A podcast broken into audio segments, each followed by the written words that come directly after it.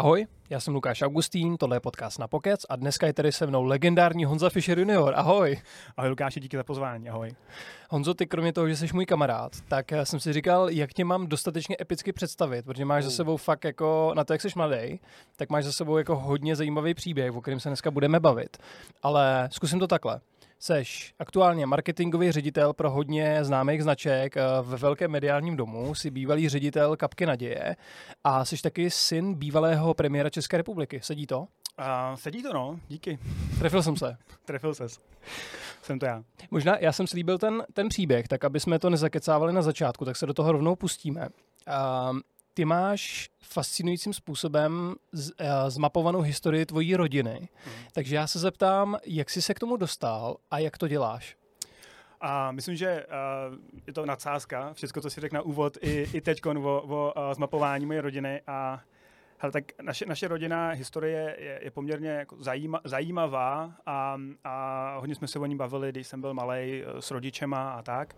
A, ale samozřejmě hodně tomu přispěla i doba covidová, kdy jsme byli hodně zavření doma a toho času bylo relativně dost.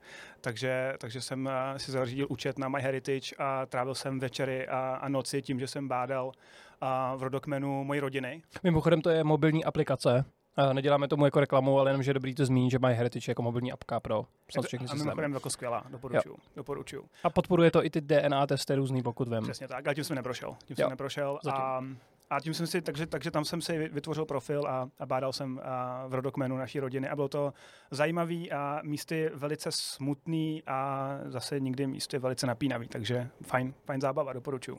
Co jsi zjistil? Zjistil jsem uh, třeba to, že moji praprapředci, uh, kteří, kteří pocházeli vlastně z Benešovska, takže se uh, v jedné v části prolnuli dvě, dvě, dvě větve Fischerů, a kdy můj prapraděda, myslím, si vzal, a, a, myslím, že jsem měla Berta Fischerová, rozená Fischerová. A takže a to bylo právě to napínavé, kdy jsem se bál, kdy se ty rodokmeny propojej hmm. a, a nepropojili se, až na, až na to, že teda bydleli, bydleli kousek od sebe, tak to byla jiná linie. Takže to bylo poměrně, poměrně zajímavý. A, a samozřejmě ta, a, ta historie holokaustová, tak ta, ta byla velice smutná, protože tam se člověk dozvídal spoustu, a, spoustu nových informací a, a tím, že ten režim byl um, hodně uh, zaměřený na data a, a čísla a na, na vlastně monitoring těch lidí, tak uh, jsem tam nacházel spoustu, spoustu dokumentů z transportu a tak dále. Takže to bylo velice, velice smutný a, a našel jsem tam spoustu jako příbuzných, který o těch jsem ani nevěděl, že jsme je měli, protože ta rodina byla rozvětvená a, a už vůbec se nevěděl, kde a jak skončili. A takže to bylo, to byly smutný, smutný zjištění. No. Takže když to zrekapituluju, tak ty jsi se nudil během covidu, stáhnul se s mobilní aplikaci, hmm ta ti ukázala tvůj rodokmen asi dál, než jsi čekal. Mimochodem, kolik let zpátky zhruba jenom ještě? Ale skončil jsem, já jsem to potom, potom už nechal, ale skončil jsem v té tátví linii hmm. a jsem skončil někde v roku 1750. What? Takže před napoleonskou dobou. Je to, je to tak, no. A ono tím, že, tím, že vlastně židovská komunita byla vždycky hodně monitorovaná a měli jako poměrně rozsáhlý matriky a tak dále, hmm. tak z toho to vlastně všechno čerpá. Takže z, z mámený strany jsem došel a, asi 100 let zpátky a, a státový, máme, máme, maminka je nežidovka, abych uvedl na pravou míru, tak, a, tak tam jsem se dostal tak daleko, ale u tátový, státové strany jsem poměrně, poměrně hluboko. Já to musím rozdechat. Takže ty jsi z, z, z blbý mobilní aplikace si dohledal historii své rodiny hmm. do roku 1750, ověřil jsi to a fakt to se dělo. Častokrát, častokrát, včetně fotografií, a rodných listů a, a tak. Jako je, to, wow. je to neuvěřitelné. Opravdu a a doporučuji. A potom mi některý lidi nevěří, že žijeme v nejzajímavější době v historii lidstva. Hmm. Pravdu jako neuvěřitelný. Co se týče ještě toho holokaustu, to je samozřejmě jako mega těžký téma, chápu, když se ti hmm. o tom nebude chtít hmm. úplně mluvit, ale chápu to dobře, že ty si teda dohledal ty lidi, začal se trošku jako zjišťovat, googlovat a tam si dohledal uh, až takovýhle věci. A to dohledáš přímo v tom systému, protože ten systém vlastně je postavený na tom, že on čerpá z obrovského množství dat, hmm. z, mat, z matričních zápisů, tam jsou normálně fotky z matriky a tak, takže z toho vlastně uh, jsem čerpal a pak jsem to ještě doplňoval o nějaké vyprávění uh, z třeba státové strany. A sedělo to. A sedělo to. A sedělo to. Ale Berta je teda geniální jméno, aby jsme to Berta je dobrý, že jo? Berta Fischerová, to zní docela dobře. A akorát nesmí ráčkovat. Ano. to je potom špatný. Um, jak se to projevuje třeba na generaci tvýho táty a na, na tý tvojí, tady ten prostě příběh, který by se neměl nikdy zapomenout, co se stalo? Mě totiž děsí, že se vlastně tohle všechno odehrálo v podstatě před jedním lidským životem. No, je to všechno nedávno, ačkoliv na to, um, nechci zapomínáme, já si myslím, že, že jsme vůči holokaustu hodně jako precizní, nevím, jestli to slovo, ale prostě připomínáme si tu historii a myslím, že děláme snad, doufám, všechno pro to, aby se to neopakovalo. A, a věřím tomu, že se to prostě už nikdy opakovat, opakovat nebude. Um, smutná historie. No. Je to, je, je to, je to uh, něco, co v té rodině je. A syndrom holokaustu je, myslím, že hodně popsaný i, i v knihách. A, hmm. a je, to, je to určitá citlivost na, na témata, a je, je trošku úzkostný vnímání některých věcí, nespravedlností a tak. A táta to má v sobě hodně a já si myslím, že taky. Jo? Tím, že vlastně jsme se o tom hodně bavili od mala, a, a tu historii rodiny jsem měl prostě servírovanou a ačkoliv jsem třeba a, mýho dědečka, který prošel, prošel Terezínem a Osvětímí a, hmm. a přežil to, tak a, jsme se bohužel nikdy nepotkali. On zemřel, myslím, že nějakých 13 let předtím, než jsem se narodil, a v 65 letech. A, takže nepotkali jsme se, ale na můj život měl tenhle člověk neskutečný vliv protože samozřejmě i tím, že jsem uznal jenom vyprávění, tak znáš jenom ty dobré vlastnosti a, a možná si ho idealizuju, hmm. ale a pro mě to byl člověk, který mě opravdu hodně nasměroval. Ve vnímání sebe sama, vnímání jak rodiny a naší historie, takže, takže to bylo, to bylo zajímavé. Já dám možná takovou hloupou otázku, ale když se budeme bavit o židovské víře, hmm. používá se spíš to slovní spojení, to nový, ten sionismus, anebo spíš opravdu jako explicitně židovská víra, která je o 2000 let starší? Ale to, což je to názor, jo? To je, to je takový poměrně, a poměrně symptomatický a pro naši komunitu a já, já se vnímám jako něco jako kulturní žid. Já nejsem úplně super věřící člověk, ale beru, beru židovství jako takovou svoji kotvu, jako komunitu, jako nějaký framework, ve kterém se pohybuju a nějakých, mantinel, nějakých mantinelech, který mi říkají, co je špatně, co je, co je dobře a, a pro, mě to je, pro mě to je hodně kulturní věc. Aha. A kdybyste to měl přiblížit, když jsi třeba vyrůstal a tohle je vlastně ten výsledek toho, tak hmm. co, co to pro tebe znamená v tom reálném světě? A, tak v reálném světě je to spousta přátel a je to spousta, a spousta jako času stráveného i v té komunitě. A, a jak říkám, já to hodně vnímám jako kotvu. Já když prostě já nechodím do synagogy zas tak často, jako jsem třeba chodívával, hmm. a, ale když se tam prostě vrátím po čtvrt roce, a, tak tam potkám většinou hodně podobný lidi, nebo i, i, no, i nový a, ale vždycky mám pocit, jako kdybych tam nebyl týden. A to je, myslím, že o, to, o tom to je. Mít prostě uh, pocit, že někam patřím a že jsou tady lidi, kteří vnímají svět podobně jako já. A jestli to jsou lidi, kteří um, uh, jezdí na kolech, nebo, jsou, nebo spolu skatujou, nebo, nebo skáčou uh, s paraglidem, tak to je, tak, tak asi nějak to vnímám. Takže jo. je to komunita pro tebe. Je, je to komunita, řadě. je to kultura. Kultura například? Protože některé ty věci jsou hodně zajímavé. A třeba? třeba židovská svatba. Židovská svatba, no.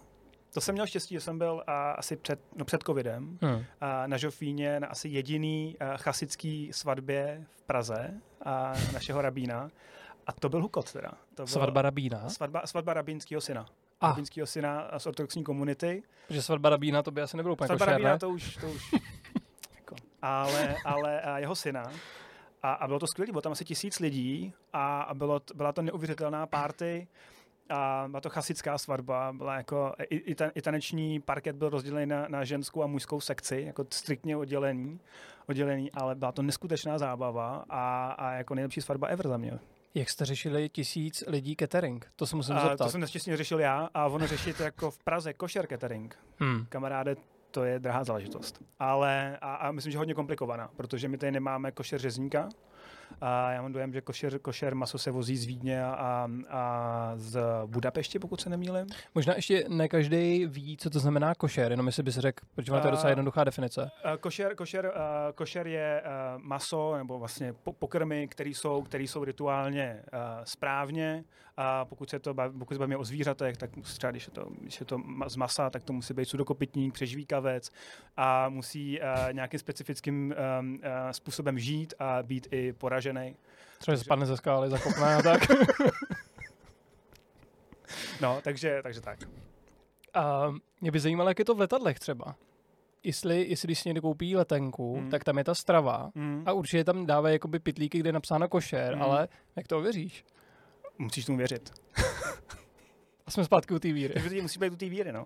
Tam samozřejmě všechno má různé certifikáty a tak, takže, ale pak jako na konci dne musíš prostě věřit tomu, že a to, co v tom letadle dostaneš, je opravdu košer. Já si přiznám, že takhle daleko jsem nikdy nebyl, a jako nedodržuju, nedodržuju kašrut a mám svoje nějak, já mám takovou jako trošku svoji cestu v tom náboženství, že a si takhle jako vykusuju, a, ale nejsem úplně, úplně striktní, takže třeba nejím vepřový, snažím se nejíst maso s mlíkem, ale úplně upřímně neřeším, jestli, jestli prostě jim jako košer kuře nebo normální kuře a tak daleko nejsem. Jo. Hm. Já, já, vlastně, když to řeknu úplně otevřeně, tak já jako papírově nejsem ani žid, protože maminka je nežidovka a židovství se, se dědí po mámě. Aha. z praktických důvodů. Protože prostě jako judaismus je poměrně um, logický náboženství a, a spousta těch uh, jako pravidel je daná prostě, je daná prostě uh, logikou, kdy uh, matka je vždycky jistá, že jo? U těch otců nikdy nevíš. Takže... Ale to je stejný s tím Ježíšem, že jo? Že někdo říkal, že uh, židovský uh, vlastně způsob té víry je pragmatický, protože nevěří v zombie Ježíše, že jo? Tak asi tak. Ty nevím, jestli to říkali Monty Pythoni, ale... ale a možná by to ani sedělo. Takže no, takže je to takový pragmatický. Jdeme dál. Jdeme dál? Jdeme dál v fascinujícím příběhu. Já si myslím, že to tak fascinující není teda. Jako. Já si no, myslím, že já to s tebe mám všechno. Uh, normální, normální život, takže určitě bych neříkal fascinující. Lidi, tak kdy, když jsme u toho normálního života, tak ty jsi hmm. studoval ve Skotsku ano. na pouhých 600 let staré univerzitě hmm. St. Andrews, ano. a.k.a. svatý Andrej, jak by tady v České republice mnozí uvedli. A co na tom bylo speciálního? A s kým se... Andrej, to, co, to zní hrozně, vrát. Ale uh, co na té škole je speciální, mm. jak mhm. si tam studovalo a s kým si tam studoval? A Dělám, že to nevím.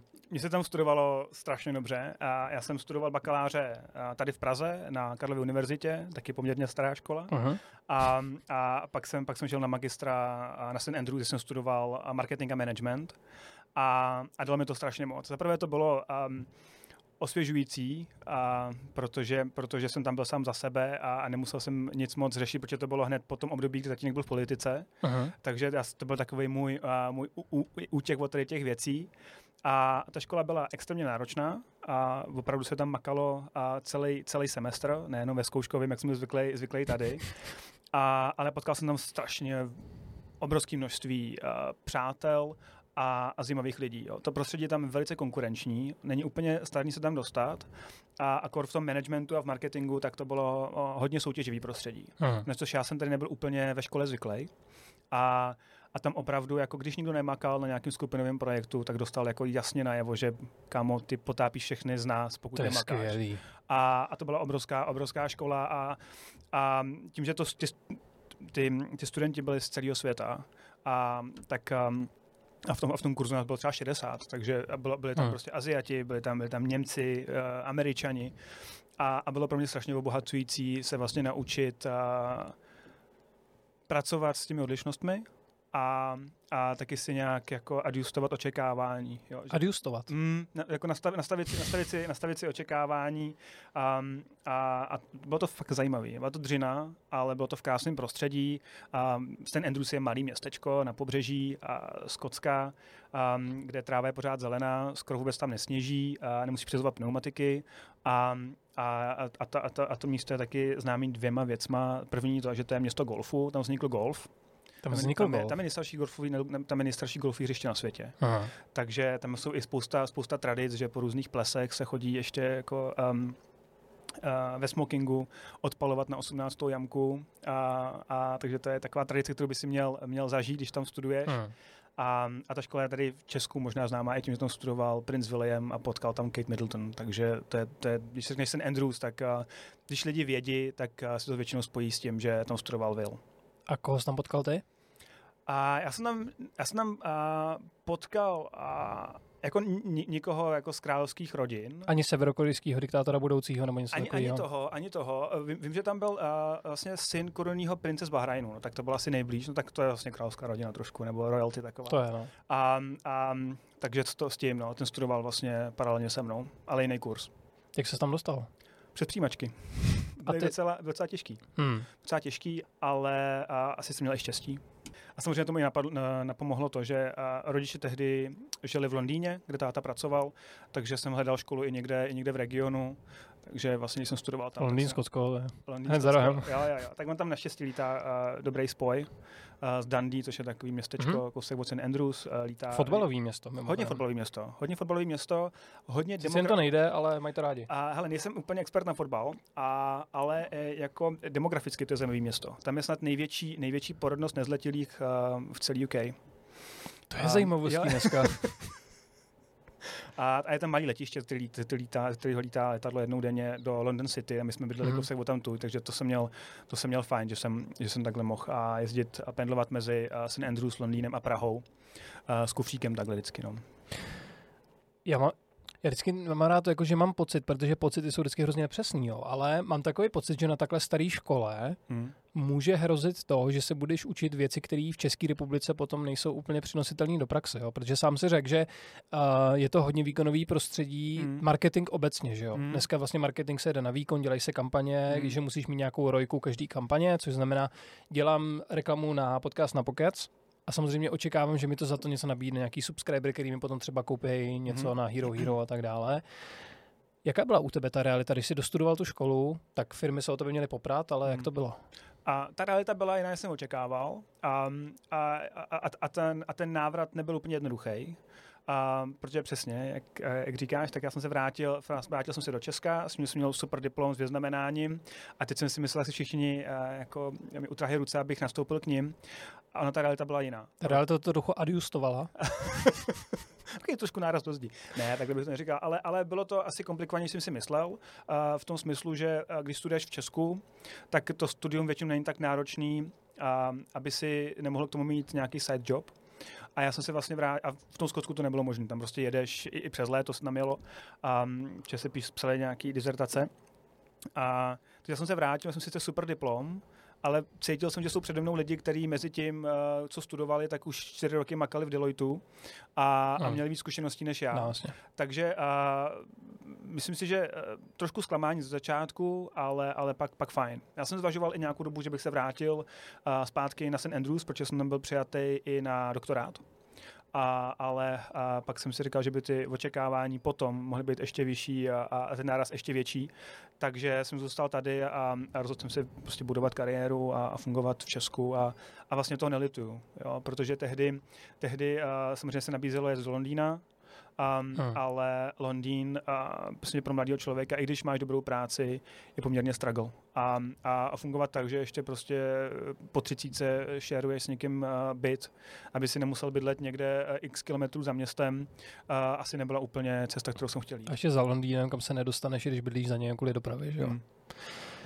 A jak to bylo s tou praxí? Teda ty si, co jsi tam naučil, co jsi potom mohl převést do praxe? Protože třeba uh, u mě osobně, já jsem měl skvělou vysokou školu, i střední, ale měl jsem právě problém přesně s tím, co jsi zmiňoval, jo? že mně přišlo, že lidi, kteří nemají vysokou školu, mají vlastně obrovskou výhodu, protože mají tu praxi hmm. a hodně těch věcí, které jsem se naučil, už byly v tu dobu potom zastaralý v té praxe. Tak jak to bylo u tebe s tady tou prestižní školou? Um, já si myslím, že co ti takováhle škola dá, je za prvý jsou to kontakty, ty jsou strašně fajn, protože prostě ty lidi potom dostudují a rozprostnou se do celého světa a ty máš jako network, se kterým můžeš udržovat a kontakt a... a třeba princ Bahrajnu. třeba severokorejský diktátor. A třeba, takže to jsou docela jako dobrý, dobrý kontakty. Ne, ale um, dá ti to, za mě to nejdůležitější, dá ti to přístup k práci, dá ti to disciplínu a, a ty informace jasně, ale pro mě primární je to, že si uvědomíš, že fakt v životě musíš makat hmm. a, a že všichni kolem tebe makají. Jo? Že prostě pokud eh, to, že tam seš, je jed, jed, jedna jako prerekvizita k tomu to dodělat tu školu, ale pak se udržet taky není jednoduchý a to je vlastně v celém životě to takhle máš. Můžeš dostat super job a pak ho nedat. A ta škola tě, mě vlastně naučila to, že prostě fakt to musíš urvat, že jako všichni jsou tam dobrý, hmm. všichni jsou fakt skvělí a, a ty, aby si mohl být mezi nimi, tak prostě musíš jako do dvou do noci sedět v té knihovně a makat. Takže vedle informací, jasně, důležitý, a, ale on intermarketing je tak strašně dynamický, že to, co jsi učil přes deseti lety, je dneska vlastně téměř irrelevantní, hmm. protože ta doba je tak strašně rychlá, že jako kdybych si, já teď vlastně jsem se stěhoval a, na jaře a vyklízel jsem ještě jsem v knihovně nějaký uh, skripta, učebnice a, a vlastně jsem se tomu smál, protože hmm. to, to prostě social media tehdy a teď a, a, a nové platformy a, a úplně někde jinde. Takže uh, framework, myslím, a nějaký, a nějaký nastavení mysli ty jsi citoval Billa Blura, ten říká v jednom svém stand-upu prostě, že jako vysoká škola je od toho, že musíš zaměstnavatelům ukázat, že you can show up, jo, jo, že jsi jo, fakt konzistentní jo. a že jako, že jako vydržíš, takže uh, pokud někdo je trudomyslný z našich posluchačů a studuje vysokou školu a neví, jestli mu to k něčemu bude, tak bude vám to určitě k něčemu. Určitě, určitě, je to dobrá investice a myslím si, že jako um, slovo investice je, je, je, je to přesný. Prostě člověk investuje do sebe a, a, a vrátí se mu to určitě v long runu, je to, je to návratná investice. Jo. Já si myslím, že ty jsi měl vždycky jednu takovou těžkou jako predispozici, že máš tátu, který je jako veřejně známá osobnost, hmm. spoustu toho dokázal, ale jak, jak ty si osobně bojoval s tím, abys nebyl vnímaný jenom jako syn Jana Fischera, premiéra České uh, republiky? A... Těžká, těžká otázka. Um, myslím si, že i to, že mě rodiče hodně vedli k tomu, abych makal na sobě, uh, byl, právě, byl právě důležitý milník.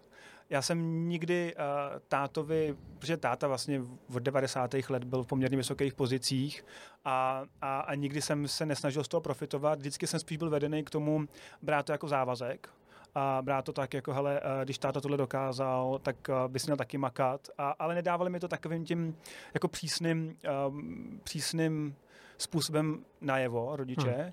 ale spíš takovým milým, jo, tak jako mě posouvali a brali to tak, jako hele, ty máš vlastně závazek vůči, vůči té rodině, tak trochu, a nebo jsem se spíš budoval já v sobě a že bych taky měl vlastně v tom životě něco, něco dokázat.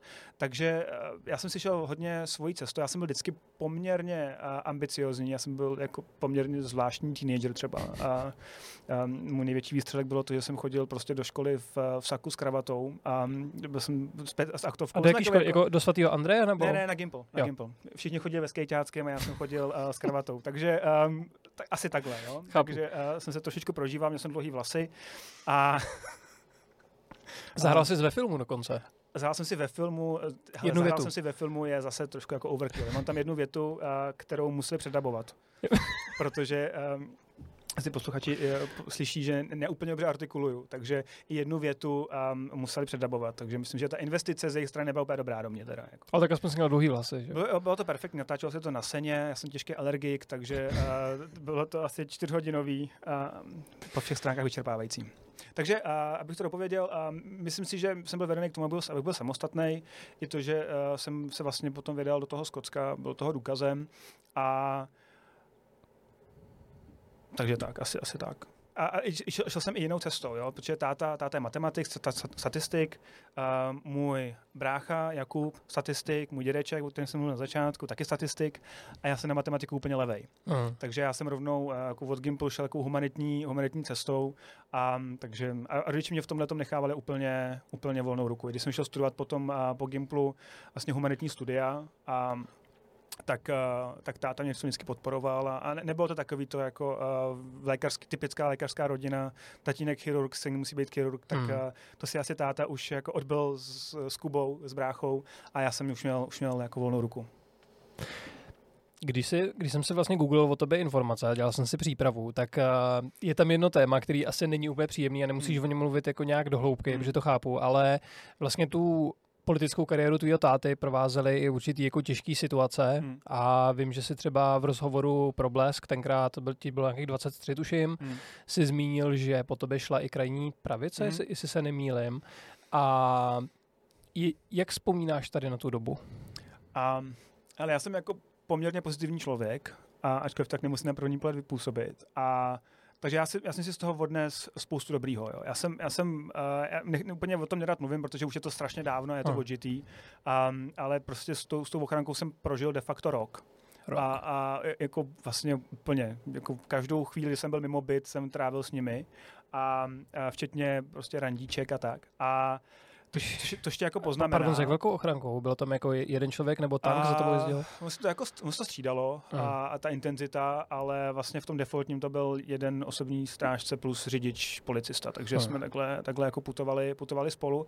A zase, ono tě to, jako když je ti 23 a, a musíš žít tak, že uh, večer musíš říct, kam zítra asi pojedeš ráno a v kolik hodin tě má kdo vyzvednout, a, tak se naučíš poměrně dobře, dobře plánovat a odnesl jsem si z toho spoustu, spoustu jako dobrýho. Um, ty kluci byli super profesionální, doteďka se jejich práce strašně vážím. Myslím, že měli a se mnou i hodně trpělivosti. Hlavně na těch rande, ne? Hlavně i na, i na těch rande a tak, a tak různě, protože um, jako nebyla to příjemná situace, není to situace, ve které by si chtěl být. Hmm.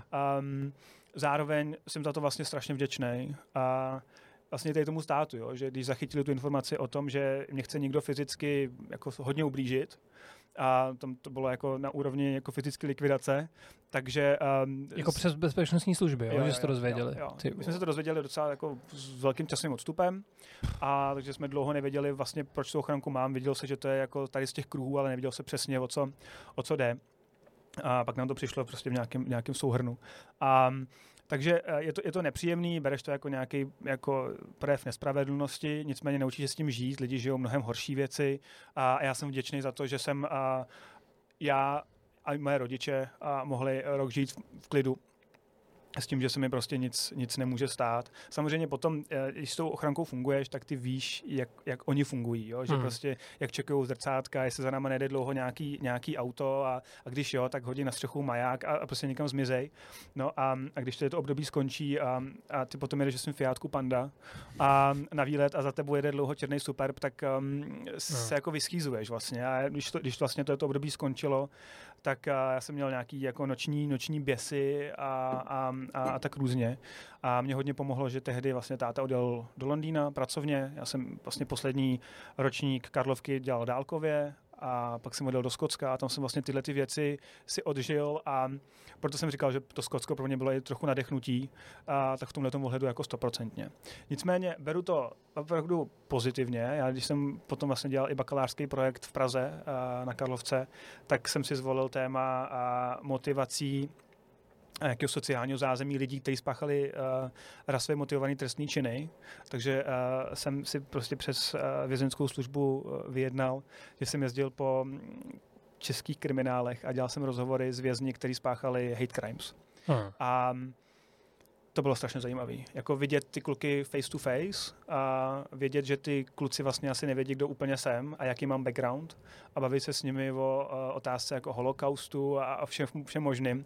A bylo extrémně pro mě zajímavý a těch rozhovorů takových hloubkových bylo pět hmm. a, a bylo to, bylo, bylo, bylo to, bylo to intenzivní, protože člověk, eh, já jsem neviděl třeba jména, za kým jedu, neviděl jsem, kolik těm lidem je let, Viděl jsem jenom, že to je někdo XY, který spáchal tyhle ty paragrafy. Hmm. A všechno to byly násilný trestný činy, všechno to byly recidivisti. A jedeš prostě přes půlku republiky v 6 ráno autem, aby si uh, dělal s tím člověkem rozhovor a nevíš, že tam bude kluk, který vypadá jako ty, nebo kluk, který má prostě 2 metry a, a 120 kilo.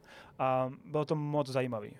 Co se to zvěděl? U hloubkových rozhovorů ohledně hit crimeu? A byli to všechno kluci z vlastně z jako střední třídy, nebyly to jako problémové hmm. rodiny, byly tam, co tam objevoval, tak nemůže dělat úplně, nemůže generalizovat, protože ten vzorek byl strašně malý, ale, ale objevoval se tam takový ten fenomén a třeba rozvodu rodičů nebo častého stěhování, což znamená jiný komunity v těch školách. A, a ty kluci to často brali tak, hele, tak já jsem neexceloval ve známkách, ale exceloval jsem v tím, že jsem měl docela dobře zlobit takže si kolem sebe vytvořili nějaký party, objevoval se tam uh, fotbal, fanouškovský, kolem, fanouškovský, no, fanouškovský kolem, uh, kolem fotbalu. A, a pak ta recidiva, no, že všichni vlastně chtěli, uh, chtěli začít nový život po tom, co je pustěj a vlastně všichni se tam vrátili. Bylo to zajímavé. A, tehdy, a tehdy to bylo ještě, to bylo před uh, Klausovou amnestí, takže ty kriminály byly brutálně přeplněný. Hmm. Jo, to byla kapacita 130% jako normál. Takže jsem se potom bavil s těma psychologama, tak to bylo, Tyho Klausová amnestie, to, to nevím, jestli teda jako bylo dobrá věc, to byla jedna z nejhorších věcí v historii státu, teda si myslím. No, um, ale to je jako úplně, úplně upřímně v těch kriminálech se vlastně s těma lidmi nedalo pracovat, protože prostě když máš ve všech možných místnostech udělaný z toho uh, cely, tak už nemáš ani hmm. pro žádný skupinový terapie nebo individuální terapie pro to prostor. A, a to samozřejmě vede potom k té vyšší recidivě a tak. Jako 130% je fakt bruntál teda. Hmm. To je hmm. fakt drsný. Uh, možná ještě se zeptám, jenom se k tomu naposledy vrátíme. Víš, proč na tebe chtěli spáchat ten násilný trestný čin, ty magoři? A, tak ono to bylo, tak um, tátová vláda obecně, obecně, tak táta se netajil svým původem židovským a zmínil to někde a zmínil vlastně i tu cestu, jak se k tomu dostal. Hmm. Protože um, táta k tomu náboženství byl, nevím, jestli je správný slovo, chladnej, ale neprožíval to. Prostě prožíval, asi, asi to bylo i součástí toho, toho um, vyrovnávání se s holokaustem skrze dědu, ale vlastně v té komunitě nefungoval a a mě naopak k tomu docela vedli rodiče, jo? že jsme chodili často na staré města, vyprávěli mi příběh dědy a tak dále. A já vlastně odmala jsem, jsem tíhnul k tomu, tak když jako děda a, a další příbuzní tohle to prožívali a my žijeme v době, která je v pohodě, proč, proč se k tomu nevrátíme? Teď máme nějakou uh, odpovědnost vůči našim předkům, kteří za to trpěli a my tady žijeme v pohodě tak říkám to, říkám to hodně s plnýma slovama, hmm, který jsem hmm. člověk neformuloval, a proč se tomu nevrátíme. A tehdy se vlastně otevírala nově i židovská škola v Praze a já jsem vlastně na druhém stupni základky tam přestoupil a tím jsem vlastně do té komunity zapadnul a tím jsem, tím jsem do toho stáhnul i toho tátu že se hmm. k té komunitě víc přimknul a chodili jsme spolu na modlení a, a tak. Takže a, a táta tenhle ten, tenhle ten fakt někde zmínil a oni to brali uh, v těch kruzích, takže jako já za to můžu, že vlastně uh, máme jako premiér, který je žid a, a vlastně jde po nás trošku. Takže uh, to, to, to byla takováhle jako velká, uh, velká zkratka. No. Ale jak říkám, já jsem si z toho odnes spoustu pozitivního a spoustu věcí jsem uh, díky tomu zažil. Hmm. A s těma klukama, kteří se starali o to, aby to dopadlo dobře, tak, uh, tak jsme, uh, neříkám, že přátelé, to, to ne, ale občas se napíšeme, jsme do teďka v kontaktu, ono už je to taky hodně, hodně let.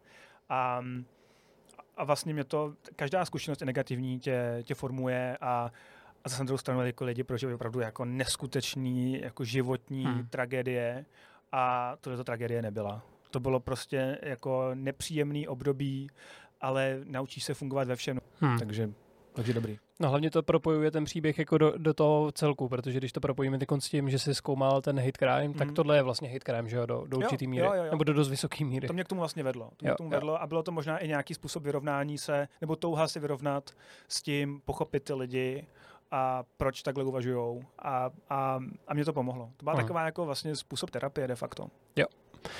Jdeme teď na takový další velký bod tady toho rozhovoru a to je to, že když trochu přeskočíme v tvý kariéře, protože ty jsi ještě pracoval eh, v CNCčku v mediálním domě, mm. ale potom hlavně si se dostal do kapky naděje, kde jsi působil jako ředitel, mm. takže ty si, ty si vlastně pomáhal dětem z leukémí, uh, Zkrátka řídil se tam celý, aby se peníze dostaly na to správné místo od těch správných lidí. Mm. Takže jak vzpomínáš tady na tu zkušenost? A velice dobře. S Vendulou, že jste to s tam vedli? S Vendulou, já, já doteďka jsem Vendule vděčný za tu příležitost, protože já jsem um, se chopil v úzovkách kormidla, až mi bylo 29. A, a nebyl jsi ani statistik? A nebyl jsem ani statistik a, a Vendula mi tu příležitost dala, já jsem za to vděčný a myslím, že jsme s Kapkou tehdy hodně, hodně pohnuli. A Kapka, kapka jako je srdeční záležitost pro mě. Já jsem ten projekt, ten projekt mi hodně přirostl k srdci a určitě víc, než jsem čekal na začátku. A z začátku jsem z toho měl obrovský respekt, pak jsem se to naučil chodit a vybudoval jsem si obrovskou lásku k tomu. A, a ta mi zůstala, protože i teď, vlastně, i když nejsem, neřídím kapku naděje, tak jsem dozorčí radě, já jsem tomu pořád, pořád na blízku a mě ta kapka otevřela oči a i v, i v tom, že jsem pracoval v korporátu, pak jsem šel do toho nezisku a, a uvědomíš si, že věci, které v korporátu řešíš, jsou vlastně malicherný oproti tomu, co jsou reální problémy lidí venku hmm. a jaký tragédie uh, prožívají. A být součástí toho, že jim pomůžeš a jakýmkoliv způsobem, je strašně obohacující a musím říct jako brutálně návykový. Jo, že hmm. ti to dává opravdu smysl a, a já jsem měl tehdy v kapce štěstí na to, že jsem měl šanci si tam vlastně postavit nový tým a trošku jsme to tam jako rekonstruovali a, a měl jsem tam malý, super výkonný, motivovaný tým, který každý ráno se probouzel s tím, že chce pomáhat. A to potom jako není o tom, že řešíš, um, že v korporátu uh, děláš nový projekt a, a člověk ti řekne, no dobře, a co mi za to dáš a kolik mi zaplatíš přes času a jaký budou mít bonusy a tak. A je to o tom, že ty lidi prostě strašně chtěli a to odměnou bylo to, že jsme se potom vydali do nemocnice a přidali jsme tam přístroj, který prostě do teďka zachraňuje nebo pomáhá zachraňovat životy nebo minimálně léčit. A, a to je moc hezký, by the way. To mě bavilo. Samozřejmě tam byly strašné příběhy, um, protože ne všechno dopadá dobře. Um, nicméně většina těch případů prostě dobře dopadá a se spoustou rodin jsme do teďka v kontaktu, píšeme si, voláme si a, a mám určitě lidem obrovský, obrovskou úctu protože když ti vstoupí do života něco jako tak strašně nespravedlivého, jako je zákeřná nemoc u dítěte, a, tak to chce obrovskou mentální sílu to vlastně nevzdat, nezabalit to a, a neutéct od toho a bojovat s tím dítětem. A to bylo, to bylo silné. Takže když se potom bavíme o tom, že uh, ochránka a tak dále, tak jako no bože. come on, jako to, to fakt není uh, ty zaškobrtnutí, to není, hmm. to není životní problém prostě. To je, to je, to se stalo, je to za mnou. Já tím vůbec jako nepoznamenalo v negativním prostě, ale, ale jsou lidi, kteří opravdu zažívají strašné věci. Občas zaznívají takový názory, že jsou lidi, kteří nemají důvěru právě v charity, protože nevěří, že ty jejich peníze se dostanou tam, kam mají. Jak jste řešili třeba tady tu otázku a ten fundraising celkově? Uh, transparentností. Ono nic jiného ti, ti nezbývá. Já jsem vždycky s nadsázkou říkal, že um, neziskový sektor nebo charita je, je prostě obchod s důvěrou, kterou hmm. musíš budovat, a, ale takhle lusknutím prstů o ní můžeš přijít protože stačí jeden přešlap, kdy prostě nevysvětlíš, proč jsi, jak si co koupil, nebo někdo má pochybnosti o tom, že jsi zašantročil nějaký, zašantročil nějaký peníze, tak o to ze dne přijdeš. A to je obrovský motor pro to, to dělat transparentně a kapka byla jako stoprocentně auditovaná, každá koruna doložitelná a, a tak. Takže uh, transparentnost. Jedně transparentností. Um, já jsem rád, že se trošku změnilo i politický klima uh, vůči, vůči nezisku, že v jedné době to bylo takový, um, ten přístup neziskové organizace jsou pijavice na státu. To pořád zaznívá. Tak jsme to slyšeli během voleb, že jo, hodněkrát. No, ono ze, stej, ze stejného směru. To Oni to ten... dávají těm neziskovkám všechno, no, a to no. je zdroj problémů a tak. No. Jasně, tak a samozřejmě jsou neziskové uh, projekty, které jsou postaveny hodně na financování od státu.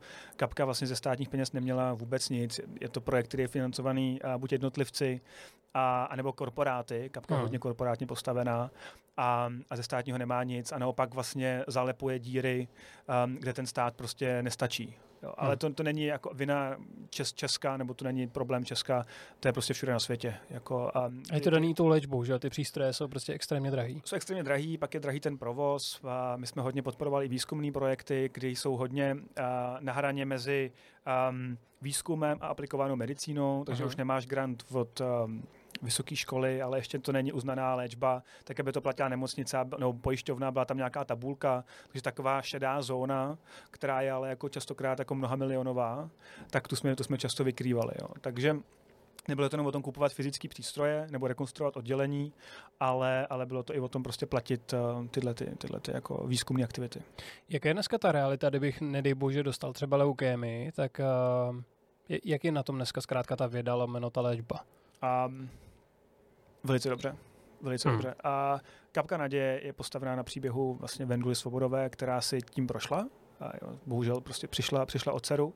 A v době, v době, kdy ty šance na přežití u dětských onkologických pacientů byly velice nízké. A to byl jaký rok, jenom aby jsme viděli ten to progres? To je 20 let zpátky. Mm-hmm. A dneska, dneska máš vlastně 80% šanci na to, že se z toho dostaneš. 80. A a právě i díky těm výzkumným aktivitám, protože v minulosti um, jsme vždycky přirovnávali tak, že um, ty si na tu léčbu uh, nešel jako nějakou laserově naváděnou zbraní, ale prostě si střílel z kanónu a buď se strefil, někde to zabralo, anebo ne. A to vedlo k tomu, že ty děti měly často prostě poznamenané životy, následky a v dnešní době právě díky těm výzkumným aktivitám ty jsi schopný říct, je to tahle ta nemoc, je to tenhle ten kmen a je pro ní nejlepší ten, ten léčebný protokol a léčíš vlastně laserově naváděnou zbraní přímo ten problém, hmm. což má prostě za důsledek to, že jsi samozřejmě mnohem efektivnější a můžeš to líp predikovat a má to menší uh, následky do života potom. Takže ty, ty šance jsou nepoměrně, nepoměrně vyšší. Um, a co je důležité říct, že um, dětská onkologie, uh, nechci říct, že je jako finančně saturovaná, to, to vůbec ne a samozřejmě ty, ty finance jsou tam potřeba pořád, ale je, jsou tady obory um, dětské medicíny, které jsou za mě v mnohem větších trablech, než je dneska tenhle ten obor. Například? A to je dětská psychiatrie například. Hmm. To je obrovský, obrovský téma s covidem. Um, covid uh, to ještě uh, podtrhnul, protože uh, samozřejmě ta izolace uh, vedla k různým úzkostem u dětí a a samozřejmě k větší jako sebevražednosti, skodům k sebevražednosti hmm. a tak. A je to obrovský problém, protože těch lékařů je extrémně málo, ten obor je strašně náročný. A, a doktorů je málo, lůžek je málo a ty čekačky jsou strašně dlouhé. Takže to je třeba jeden z projektů, který jsme s Vendlou začali, kde jsme se hodně věnovali dětské psychiatrii v Motole a já jsem rád, že moje následovkyně v kapce Nadě Dita Loudilová, tak tímhle tím směrem jde dál a, a ta pomoc se rozšířila na další, na další Eh, pracoviště v dětské psychiatrie po Česku a chystají i nějaký dokument k tomu a televizní. Takže a dětský, dětská psychiatrie je třeba jedno z těch témat, který je strašně zanedbaný a je pořád jako hodně tabuizovaný. My jsme si uh-huh. už poměrně, poměrně hodně zvykli mluvit o našem duševním zdraví u, jako u dospělých, že jsme schopni to verbalizovat a už to nebereme jako stigma, ale u těch, u těch dětí nebo u pubertálních dětí je to prostě obrovský trouble. Samozřejmě i to, že... Ale je to trouble u těch dospělých mi přijde, jo? že mně přijde, že třeba duševní zdraví je zrovna takový téma, na který je každý expert a každý na to dělá 20 školení, ale jako ta praxe je potom jako násobně těžší a je velmi těžký najít někoho, kdo tomu fakt rozumí reálně. To je, to je obrovská pravda a zároveň častokrát u těch dětí je ještě velký problém s rodičema, který prostě uh, ty signály nezachytávají. No jasně. Jo, dítě řekne, že má prostě úzkosti, že se, nedá, že se, mu, že se necítí dobře a reakce je, no tak se jdi zaběhat. A nebo naopak mě nic není, že jo? No a nebo přesně, no ten vlastně název toho dokumentu, který Kapka připravuje, je Co ti je nic. No jasně protože prostě e, ty děti si žijou vlastně ve své ve svý realitě a témata jako cyberšikana a tak dále, to už vůbec, jako to, hmm. to, to, se odehrává někde, kde ty rodiče vůbec nevědí, co děti prožívají. Je to smutný, je to smutný téma, a, ale taky... Ale za 20 let je to mega pokrok zase, jo. Z kanonu na laserově naváděnou raketu, to je jako dobrý. Jo, jo, jo. Jako v té leukémii je to obrovský progres. Hmm. A, a, a bylo vidět, že, nebo takhle, co na té práci ještě, ještě jako uh, návykový, že ty lidi vlastně si váží vaš, tvojí práce. A to je hrozně hezký. Víš, jako, že v korporátu tohle to málo kde zažiješ, že prostě hmm. uděláš dobrý projekt, který má výsledek, ty ho potom prezentuješ a někdo tě obejme a řekne, hej, to se nám udělá radost, to nám fakt pomohlo v naší každodennosti a my díky tomu můžeme přijmout nového pacienta nebo uh, ho méně trápit, když to řeknu v té v léčbě, protože yep. častokrát jsou to invazivní metody, tak to je hezký, no, to je hezký. To mi chybí docela. No, a potom si přijal další výzvu, která, to je takový jako poslední bod toho dnešního rozhovoru, která teda mi přišla jak jako hrozně složitá v této době, protože máme rok 2023 a mediální domy to mají hrozně těžký, protože uh, samozřejmě lidi pořád kupují noviny, časopisy, pořád to nějakým způsobem funguje jako docela vtipný, teda, jak, jak to je ze zdaněním, ale to jiný téma. Tak to vidíme, jak to dopadne vůbec. Snad, a, snad to dopadne tak, jak to je navržený. Ale zároveň všechny plátky světa řeší ten přechod do, do online světa. Takže ty, když jsi vlastně nastoupil do, do současné práce jako marketingový ředitel, tak ty si dostala pod sebe hodně značek, hmm. jeden velký problém. A co pro boha s tím, jak to vůbec vypadá v reálné době? No, um, v reálné době, v současné době. V současné době um, média jsou na křižovatce, myslím si, že jako bezprecedentní, protože uh, ty trendy jsou, ty trendy jsou globální. Jo. A ty samozřejmě návyk kupovat, nevím, když jsi naposledy koupil noviny. Já odebírám časopis, já jsem docela old school. Čas, časopisy, jsou, časopisy jsou na tom, myslím, že uh, poměrně líp než noviny. Aha. Protože když máš prostě zájem, nějaký zájem, typu mám rád prostě young timery, baví mě auta, tak si koupu časopis o autech, baví mě fashion, čtu si o fashion, tak tam si myslím, že nějaký, nějaký prostor ještě, ještě je, ale, ale v naší generaci třicátníků už jako ten habit koupit si noviny nemáme a to je globální, s tím, s tím jako nic, nic moc neuděláš. Ta cílovka ti stárne, nicméně je pořád hodně velká. A tady prostě prodáš 100 000 blesků denně to, to není málo, to je prostě poměrně velký, velký zásah. Možná ještě řekni, který značky všechny řešíš, co se týče a toho brandu. Na, na Mátkově je to, je to, je to Blesk, Blesk.cz, Sport, eSport, Reflex, Svět motorů, Autotyp a, a, a další. Takže jsou to, jsou to velký mediální, mediální značky hmm. a, a řešíme stejnou, stejný problém jako všechny medi, velký media housey kolem nás. Nebo i New York Times, že jo, a tady to velký hráči. Jasně, jasně. Je to, je to o tom, a naučit lidi, co tě četli v printu, tě číst online a ideálně, aby za to ještě zaplatil. Uh. A, a, děláš to, a, děláš to, a děláš to v době, kdy jako ta, ta, ta hra se jako tím mění pod rukama. Jo? První problém byl, lidi čtou méně novin, pojďme dostat na naše spravodajské portály, na naše weby, ale dneska si v situaci, kdy už spousta lidí neodchází z bubliny, svůj ze, jako ze, svýho, ze svý bubliny sociálních sítí a konzumují tvůj obsah přímo na Instagramu nebo na Facebooku. A, hlavně to možná nejsou ty stejní lidi, že jo? Možná ta cílovka se úplně mění v tom případě. A máš, spou- máš strašně moc těch cílovek, hmm. jo. Takže um, jako je to, je to, je to, nemá k tomu nikdo, myslím, že jednotný klíč, který by řekl, hele, tohle funguje. Hmm. Samozřejmě máš tedy spoustu nových formátů, který musíš prostě jako obsadit. Um, nebo ti úplně brutálně ujede vlak. A to jsou přesně podcasty, to je spe- speciální prostě tailor-made obsah, ty musíš cílit na ty lidi, dostat si jim vlastně pod kůži, aby se byl ten love brand, ve kterého nedokážou žít a za který jsou schopni se zaplatit. Protože častokrát ten mindset je, co si noviny, za ty platím a nebudu na web a to neplatím, to je přece zdarma. To no jako, jasně, to bych se řekl já. To platí nějaká reklama. Jo. Já bych a... šel na Blesk.cz právě, protože bych chtěl prostě zadarmo to samý. No a to není to samý, ale. Ale to samé je možná v tom prémiu, hmm. když se zaplatíš, zaplatíš nějakou nadstavbu a tak. Takže a je, to, je to velice a, jako zrušující, zrušující prostředí. A křižovatka, no. Já si myslím, že to je fakt křižovatka o tom, jak budou vypadat média za 50 let, jak budou velký, jak budou velký, velký mediální domy, a, a jak, eh, který prostě zareagují, protože uh, ta doba se mění, vzniká spousta nových projektů, který uh, nejsou korporátní, jsou vlastně jako vznikají značení a a dneska udělat si dobrý podcast, jako jaký jsou tam vstupní náklady pro tebe? Jako je Asi to, 10 tisíc korun. No, tak um, to je, když, když řekneš, kolik stojí jako rozjet nový uh, časák nebo spravodajský web, který má být jako fakt spravodajský, tak ty, ne, tak ty fixní náklady a investice do začátku jsou mnohem větší.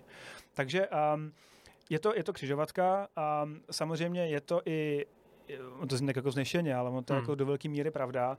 A nějaký příspěvek do demokratizace uh, téhle země proto, nebo obecně jako společnosti, protože máš opravdu lidi a my je třeba tolik neznáme, protože žijeme v bublině velkoměsta a, a, a v bublině mladých lidí, ale když zajedeš prostě pár kilometrů za město, kde jsou menší města a vesnice, tak pro spoustu lidí um, jsou noviny pořád zdrojem jako informací. A ty jako novinář máš nějakou etiku a, a nějaký kodex, podle kterého se chováš a jak pracuješ s informacemi a komu dáváš prostor. A platí tohle i pro blesk?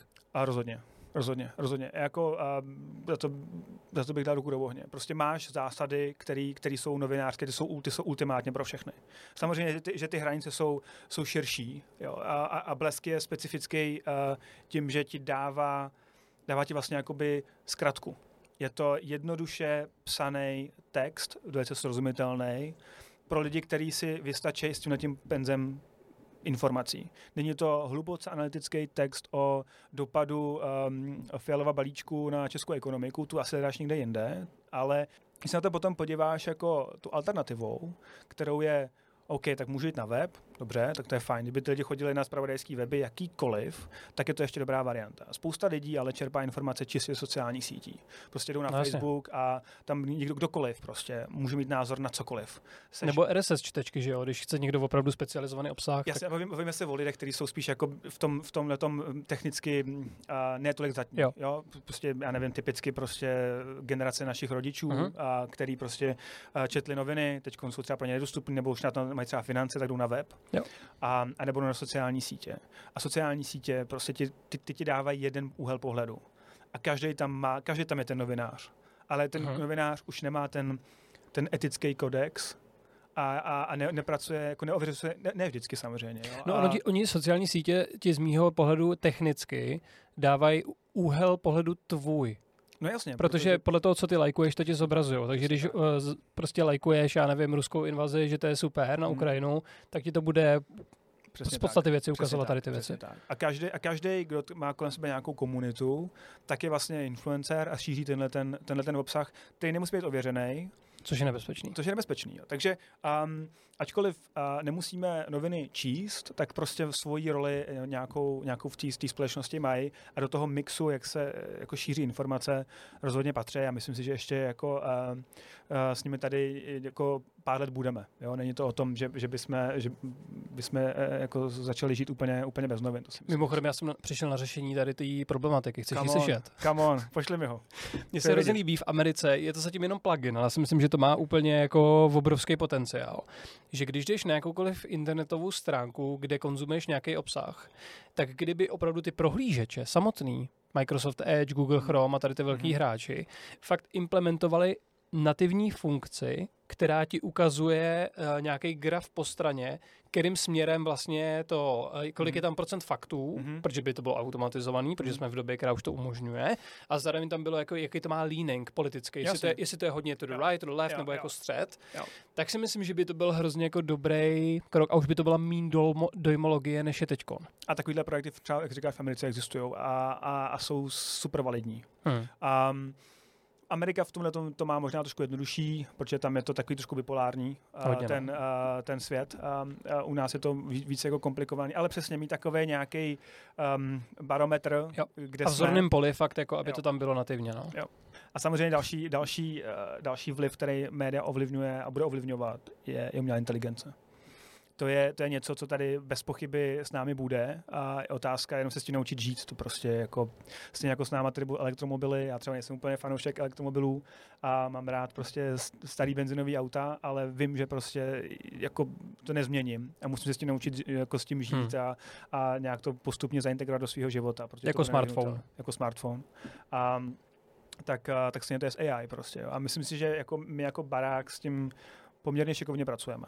Jo? Že uh, nebereme to jako hrozbu, nebojíme se toho, ale snažíme se to nejvíc, co nejvíc implementovat do naší každodennosti. V marketingu hmm. je to o tom, že když prostě děláme novou kampaň, tak se to nejdřív projedeme prostě v AI, aby nám naházela vlastně nějaký nápady a um, hodně s tím fungujeme, fungují grafici, ono už je to pomalu integrované do všech možných grafických programů. Je, no, do Photoshopu už do Photoshopu a tak, takže ono a ti to jako ulehčí práci a my se na to tím způsobem díváme. Díváme se jo. na to jako, že um, basic věci dokáže fakt už dneska udělat počítač, ale... ale jako... Hlavně strukturu. Podle, strukturu, podle mě AI no. je nejlepší ne jako na komunikaci, aby vám to napsalo inzerát na redaktora, ale jako na strukturu čehokoliv, ať už je to prezentace nebo projekt, je to podle mě naprosto geniální. A dost, dost často ti to rozšíří obzory. Jo. Ve smyslu jako, aha, to mě nenapadlo. A nebo bych na to přišel, ale za hodinu. Hmm.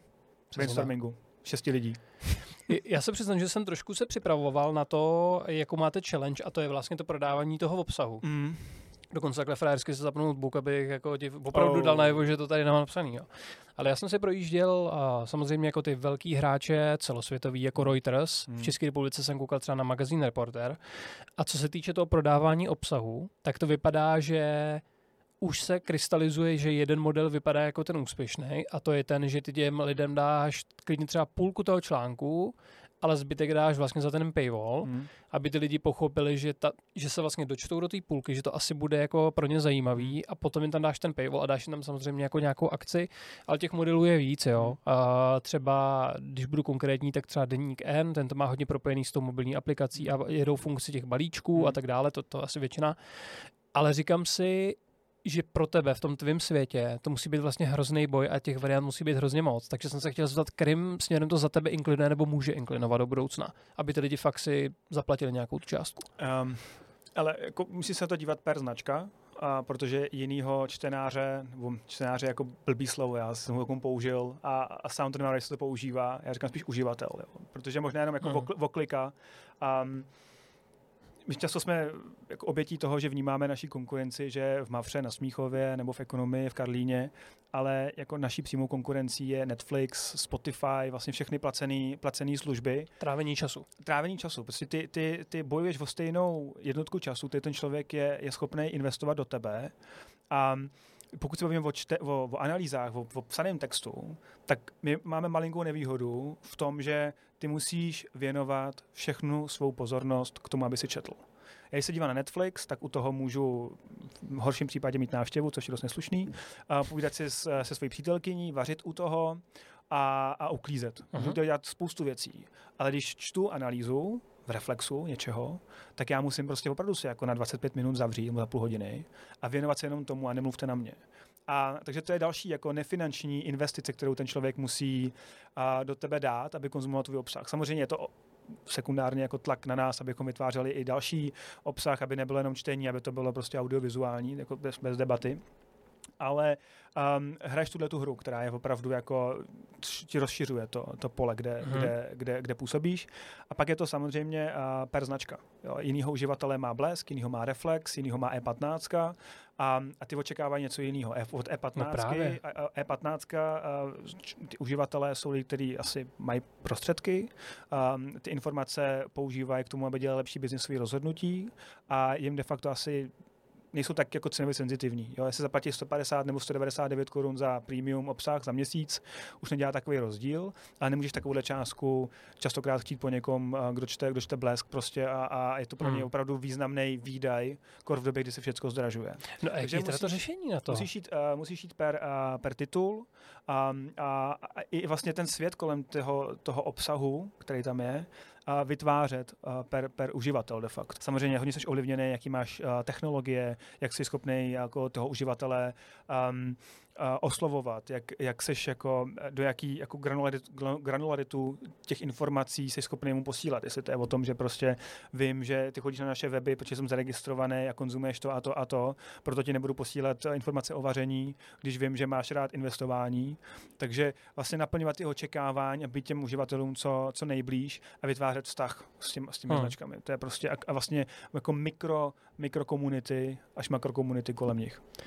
Já kdybych byl Eliška Vyhnánková, kterou jsem tady v podcastu měl a doufám, že mi ještě brzo přijde znova, tak eh, jako marketák bych se tě určitě zeptal na dvě věci. Ta první je, jestli třeba, nevím, když půjdu na Mafru na stránky, tak a tam, když se zaregistruju, tak vlastně za jedno předplatní dostanu x značek. Tak tam hmm. by mě zajímalo, jestli to není ekonomická sebevražda. A za druhý, já vím, že nemám pokládat dvoj dotazy, jo, ale stejně to zkusím. Eh, ta, ta druhá otázka, co mě zajímá, je vlastně, není teda marketing vlastně nemusí se adjustovat, abych použil ještě jednou. To je krásný slovo. Já jako. použil strašný slova, ty moc dobu dáváš. Jestli se vlastně nemusí adjustovat uh, do toho, že opravdu teď to musí fungovat tak, že budou se dělat výkonnostní kampaně na tu cílovku, protože ji známe, hmm. na základě registrací, na základě impresí, jak se lidi chovají přes cookies na internetu, co vlastně lidi lajkují, což je jako běžná, akce, hmm. uh, běž, běžná hmm. praxe. A zároveň ta firma si musí být teda hodně vyspělá technologicky tak, aby uměla vlastně trackovat uh, toho člověka. Já to ještě řeknu víc jako prakticky hmm. pro lidi, kteří nerozumí tady těm technickým věcem. Jo? Já si představuju tak, že mám webovou stránku, například Blesku. Mm-hmm. Uh, mám tam implementovaný nástroj, který se jmenuje Hotjar, mimochodem je skvělý, protože ten vám přesně měří aktivitu, kam ty lidi chodí. Mm-hmm. A na základě toho si udělám nějaký scoringový systém. Ten nejdelší otázka v historii listu. já nes- nemám svůj zápisníček, tak. To, ale ty, ty já, jenom, já, já jenom aspoň řekneš, jak, jak moc jsem mimo, jo. Takže v podstatě já bych to třeba dělal tak, uh, že přijde mi, něk, uh, přijde mi někdo na blesk.cz a kdo se dostane do fáze mám v košíku předplatný, tak na toho potom budu pouštět nejvíc tu reklamu, aby to dokončil. Hmm. Když to koupí, tak ho smažu z toho a nebudu mu posílat reklamu, protože jsou to vyhozený hmm. prachy a zbytek dám do těch jakoby, lidí, kteří se nějak proklikali nebo tam strávili nějaký hmm. čas. Uf, tak, promiň. Ale de facto se, abych to abych odpověď zkrátil a hodně se chováš vlastně e-shopově. Jo, myslím si, hmm. že už je to hodně, hodně, k tomu, hodně k tomu blízko. Musíš tomu člověku být na blízko, musíš ho chápat, musíš vědět, co konzumuje, co ho baví, jak dlouho s tebou tráví a musíš ty informace prostě mít a mít na to technologie, které ti potom jsou schopny doručit tu informaci, kterou, kterou potřebuješ. Hmm. Jo, takže to je um, jako ve stručnosti odpověď uh, na, na tvou otázku. Um, Takže to není úplně mimo. Že není, to není, to, není, to, není to mimo, není to mimo. A technologicky samozřejmě jsou tam různé jako paralely a, a můžeš prostě dávat různý, um, různý placementy um, jako na, na self-komunikaci do článků a tak, ty lidi si jako chytat. I tím způsobem, že máš prostě článek, kde můžeš potom technologii, která tě dostane banner na nějaký newsletter a tak, protože víš, že ten člověk a, a se k tobě vrací, víš, že ten člověk s tebou, nebo ten uživatel s tebou tráví hodně času, víš, že prostě je, za tebou chodí každý den nebo obden. Uh-huh uh-huh. tak se k němu chováš jinak než někoho, kdo tam je poprvé a přišel ti ze socialů a, a ten má zase jako jiný atributy. Takže je to hodně, hodně jako sofistikovaná, sofistikovaná věc. Ka alchymie. Alchymie a, a, a, je to pořád hledání. Já si myslím, že jako ten klíč pořád k tomu, k tomu jako univerzální není, že by někdo řekl, hele, tady je prostě jako Book of Wisdom a tady takhle se to dělá. Hmm, to si myslím, hmm. že, uh, že tak není. Um, no taky myslím si, že um, spousta domů si nese nějaký technologický dluh, eh, těch, těch domů mediálních, které byly hodně printový, uh-huh. který, který vlastně uh, musí dohánět. Jo, že ty technologie tam třeba nejsou, nebo se, do, se, se doplňují za běhu. Um, já si myslím, že Czech News se, si tu, tu pravdu řeklo relativně brzo, takže ten dluh není zas tak velký. A k tomu uh, nabídnout čtenáři celý tvé portfolio. Tak to za je, málo peněz? Uh, za málo peněz, anebo za víc peněz. A je, je cesta, kterou jsme šli i my. Uh-huh. a kdy jsme vlastně nabízeli, nebo napřát nabízíme projekt, který se jmenuje, produkt, který se jmenuje Premium Plus a, a máš tam prostě devět, devět webů svého portfolia uh-huh. od uh, Blesku až uh, přes Reflex po E15 autotituly a, a tak, takže to je jedna z cest. A, jako pro mě je to skvělý, ale říkám si, co pro ty mediální domino. Um, tak jako ekonomicky, ekonomicky to sebevražda si myslím není. A, hmm. a otázka je potom ty přidané hodnoty toho uživatele, kde je ta hrana, kde je to, kde mu nabízíš nějaký individuální prémium na auto.cz, protože vědí, že tam mají svého oblíbeného autora, který dělá recenze na ojetý auta a řešíš jim nějaký problém. A do jaký míry je pro ně relevantní maminga.cz to, to už asi míň, pokud tam jdou jako jenom za tím, tím účelem. A, takže kde, kde, je ten, kde je ten projekt, kde je, ten, kde je ten, to místo pro ten široký projekt a kdy už vlastně si že ten uživatel vlastně tak často chodí na tuhle tu sekci na autákách, Aha. že mu nabídneme prostě prémium na auto.cz a, a fungujeme s ním takhle jako na, napřímo. Jo. Takže um, těch cest je tam spousta, z těch, těch modelů je, je celá řada a, a hodně to je prostě o, o technologiích, kam ti umožnějí jít, jo. jestli prostě dáváš eh, personalizované nabídky a, a slevy a tak dále, to už je potom všechno o technologiích. To si řeknu úplně přesně, no. Já třeba teď mě hned naskočilo audio články. Hmm. Jo, že nemusí být přímo dabovaný, jako, jako, protože to je velmi drahý, hmm. ale myslím třeba, eh, já na můj web dávám vždycky audio verze mých článků, si se to občas zní trochu jako roboticky, hmm. ale přijde mi, že vlastně v této těžké době zároveň je možný vytvářet úplně jako nový produkty, jo? Že, že pořád to není jako zdaleka game over. Ne, to uh, jsme na začátku. A jestli ten zvuk dneska nebo ten hlas zní roboticky, tak se, že na konci roku už tak znít nebude, protože ta, řekni si, jako AI, AI v médiích a vůbec AI, to je buzzword, který na konci roku tak probublával, pak, pak to prostě vyskočilo na začátku roku, jsme v červnu, a, kde, a, a jak jsme se posunuli. Hmm. Že to prostě opravdu integrovaný všude možně, kde to, je, kde, to je, kde to dává smysl. Takže jako jsme na začátku novýho úplně. Jo. A, a, a přesně jako dívat se na to jako haha, to, to, to je, eh, jako to zní počítačově a uměle, jako počkejte si pár měsíců a jsme tam prostě. Jo. Takže uh, je to, je, je, jako, děje se, probíhá spousta, spousta jako, vlastně jako fakt revolucí téměř obden. Jo. To je jako fascinující. A, a, a pro tu industrii je to, je to fakt zlom, protože i ty novináři se musí naučit a fungovat jinak. Uh, takže máš tam prostě zpravodaje nebo, nebo analytiky nebo reportéry, kteří dělají sport a, a celý život psali články jenom a najednou po nich chceš, aby dělali podcasty, aby dělali social posty prostě z mistrovství světa v hokeji a, a víš, že prostě to není vlastně jejich přirozenost, ale že vlastně bez toho to nejde, že dneska hmm. novinář je multiplatformový jako tvůrce, že to není o tom, že píšu.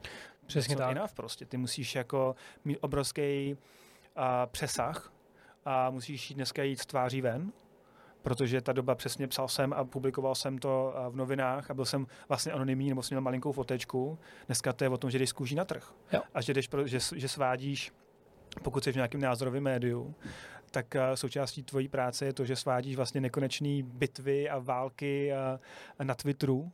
A, a, a to jako před 15 lety jako ne, neuvěřitelný. Jo. Takže hmm. kam, se to, kam se to posunulo. Takže i, i samozřejmě je obrovský nárok um, na ty obsahové tvůrce, aby vlastně vytvářeli obsah, který je uh, poplatný té době a, a její rychlosti, a že musíš mít už obraz a musí to být rozhejbaný a nevím co všechno a infografiky, to už prostě jako dneska na text. Um, s textem, pokud není fakt super analytický hmm. a, a nejdeš fakt jako zatím, nevím, rozbor, já nevím, jako akciových trhů, tak tam jako samozřejmě infografiky a tak dáš, ale ty si číst nějakou brutální analýzu, tak dneska už to člověka no, musíš vlastně zabavit. Což někde mezi informací a zábavou. Jo. Ale přijde mi hrozně zajímavý, jak jsi zmínil ten rozvoj tý, toho řemesla jako takového, že pro lidi, kterým eh, je to vlastní, tak si napíšou ten článek, pak hmm. se ho namluvěj, potom to projde třeba nějakým technickým jako adjustmentem a, a může to jít do světa a pokud hmm. se na to necítíš, tak ty redakce můžou mít svého vlastně člověka, který jim to namlouvá hmm. a může to dělat pro, pro, eh, pro víc redakcí, takže to není jako tak drahý. Hmm. Ale jo, možná, možná ta krize je zároveň jako příležitost, jak se říká. Jo, já to vidím jako příležitost, jako příležitost rozhodně. Jako, uh, neříkal bych uh, krize, uh, takhle myslím, že to, to není úplně slovo, který bych uh, hmm.